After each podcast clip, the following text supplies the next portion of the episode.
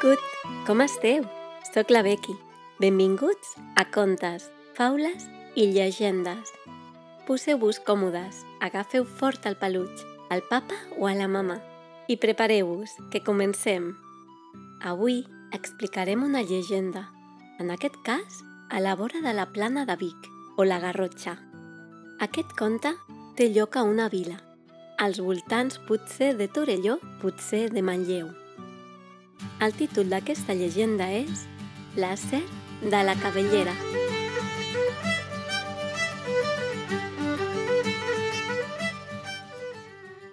Aquesta és la llegenda d'una serp misteriosa que vivia amagada entre les roques dels marges del riu. Aquesta serp era enorme i portava una gran cavallera platejada i un rubí al front tan brillant que enlluernaria el sol.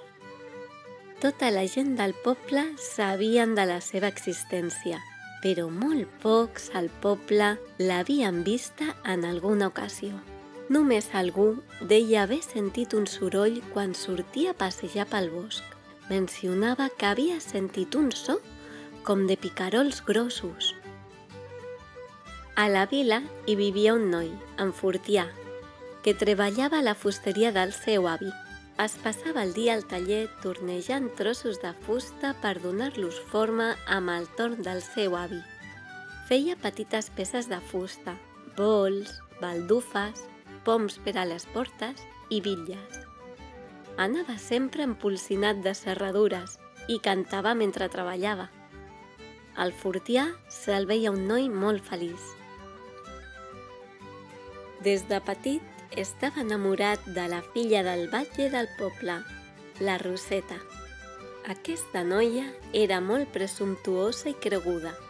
Només pensava en lluir vells vestits i joies ben cares. La veritat és que tenia molts pretendents i en Fortià era el que menys li interessava. Mira, Fortià, va dir un dia la noia, no vinguis més a veure'm i a portar-me aquests regalets insignificants de fusta. Tu no ets ric, ni ho seràs mai. No et facis il·lusions amb mi. El noi no es va donar per vençut amb aquestes paraules i va anar cap al taller a parlar amb el seu avi, que estava acabant una feina per a casa del forner del poble. Avi, vull anar a cercar el rubí de la serp de la cabellera. Va dir ben decidit. L'avi, que coneixia molt bé totes les històries que s'explicaven de la serp, va parar el tort, es va seure i li va dir Fortià, apoderar-se d'aquesta valuosa joia ha estat el somni de molts homes i dones.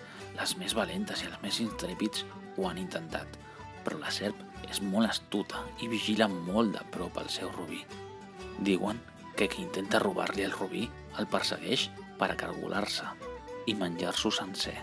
També expliquen que una vegada va anar un pagès preparat amb la seva fals per tallar-la per la meitat i la serp va deixar anar un xiulet tan agut que el pobre home va quedar paralitzat i va morir de por. Bé, hi deu haver alguna manera de vèncer-la o distreure-la. Va replicar en Fortià. Quan una serp aconsegueix viure més de 7 anys i 7 dies, ja mai es morirà i ja t'asseguro que diuen que aquesta en té més de 100. I què menja? Potser la podria enganyar i distreure-la amb algun menjar. Aquesta bèstia ja menja prou. Caça petits rèptils. Granotes, conills, guilles, ho té tot a l'abast. Però hi ha una cosa, una llaminadura, que la torna boja. I potser... Digues, avi, digues! Va dir en Fortià impacient sense deixar acabar el seu avi. La llet, Va contestar l'avi, amb els ulls plens d'esperança i alegria. què vol dir la llet? Va preguntar estranyat al noi. Sempre s'han explicat històries de la serp, que va a la recerca de la llet de les cabres. Expliquen que una vegada la van enxampar bevent llet directament d'una cabra que, adormida, pensant que lletava les seves cabretes, resulta que era la serp qui s'havia ficat a la granja i era ella la que xuclava la llet. Sense perdre un segon, va agafar un pot, el va omplir de llet i encegat pel seu amor per la Roseta, se'n va anar cap al riu. Mentre hi anava, rumiava l'estratègia. Haig d'anar en compte que la serp de la cabellera no em senti arribar.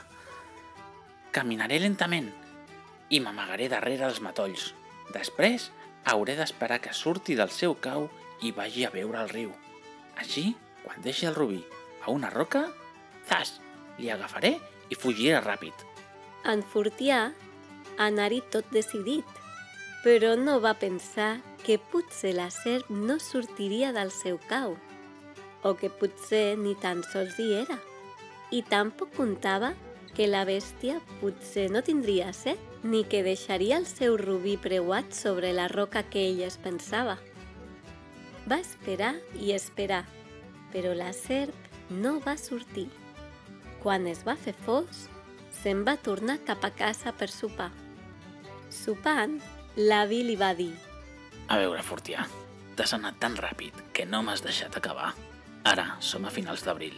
Doncs bé, les serps no comencen a sortir fins ben entrat el mes de maig, quan l'escalfor del sol ja és prou forta com perquè puguin sortir a menjar i l'aigua no estigui tan freda. En Fortià va esperar pacientment aquelles tres setmanes que quedaven, fins que va arribar el moment esperat. Va ser l'avi qui li va fer saber.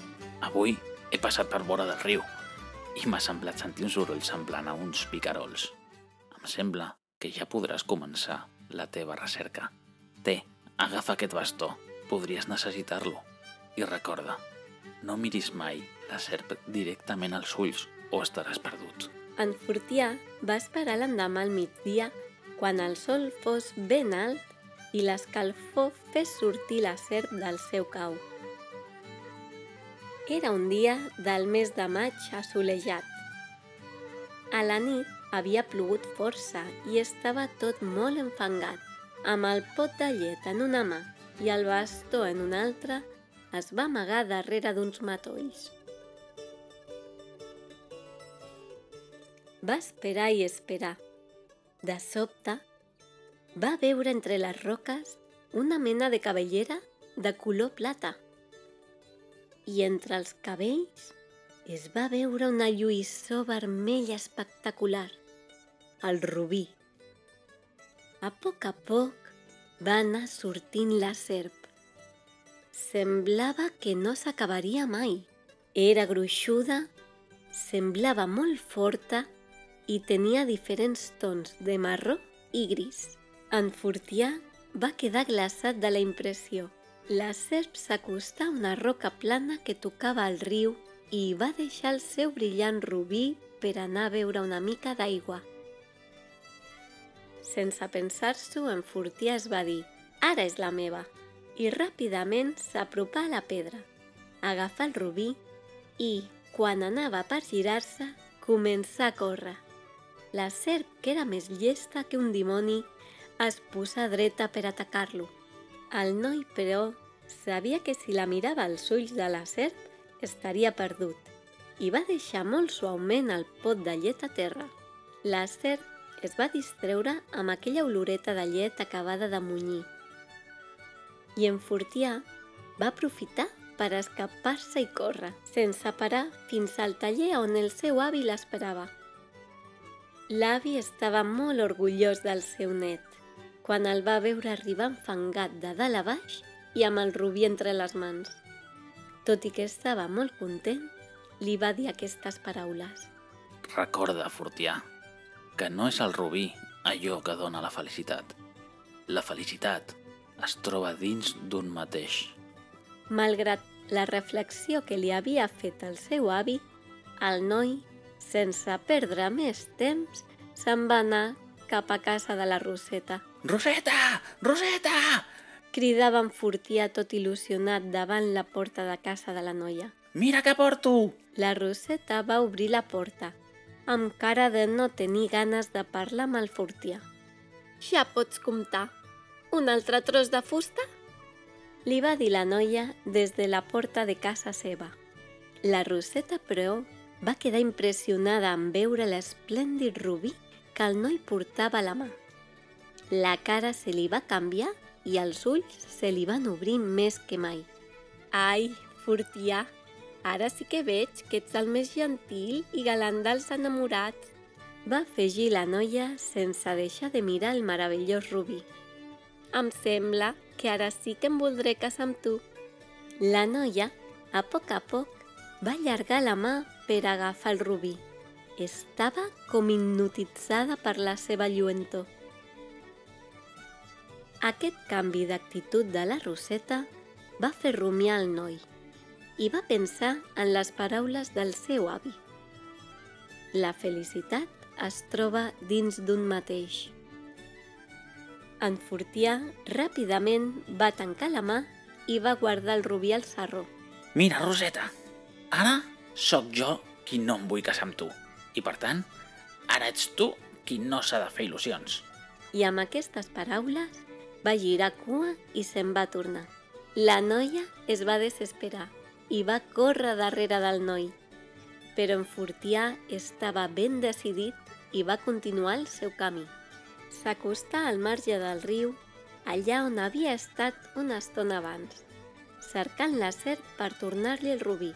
Només quedava un rastre entre les herbes aplanades pel pes de la serp i el pot de llet era ben buit. Sense pensar-s'ho i d'una revolada, va llençar el rubí al riu tot cridant. Té, xef de la cabellera, això és teu. De les aigües del riu es va veure sortir una cabellera argentada. La serp va sortir i va tornar a entrar al riu a recollir el seu rubí.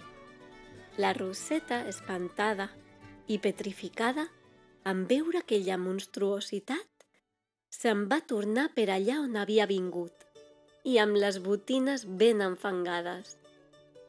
En Fortià va tornar a la seva fusteria, content d'haver-se demostrat a si mateix que quan un es proposa una cosa, amb seguretat i astúcia l'aconsegueix. La fi de la misteriosa serp i del seu rubí ningú no la coneix. Potser no se sabrà mai.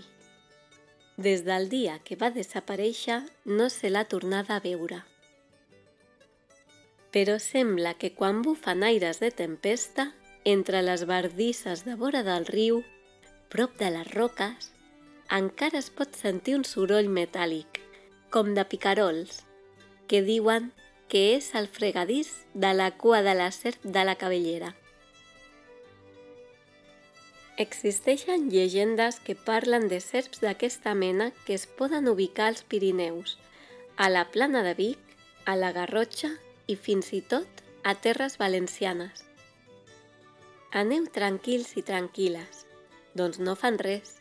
Tampoc es deixen veure, ja que només volen guardar el seu tresor sense que ningú les molesti.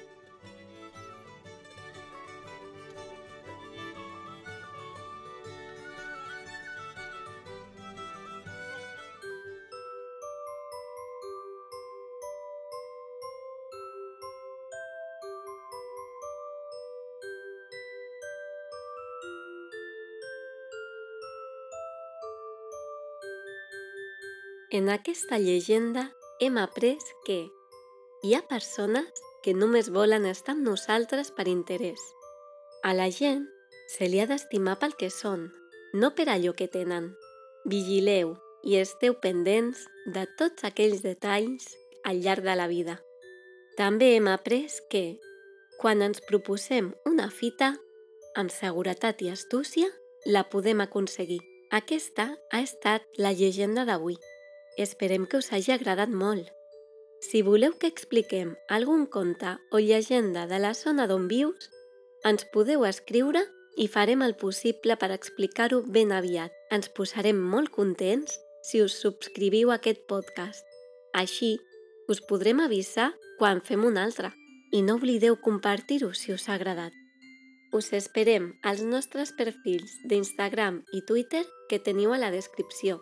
Ens trobem en un altre conte i, com sempre, seguiu somiant.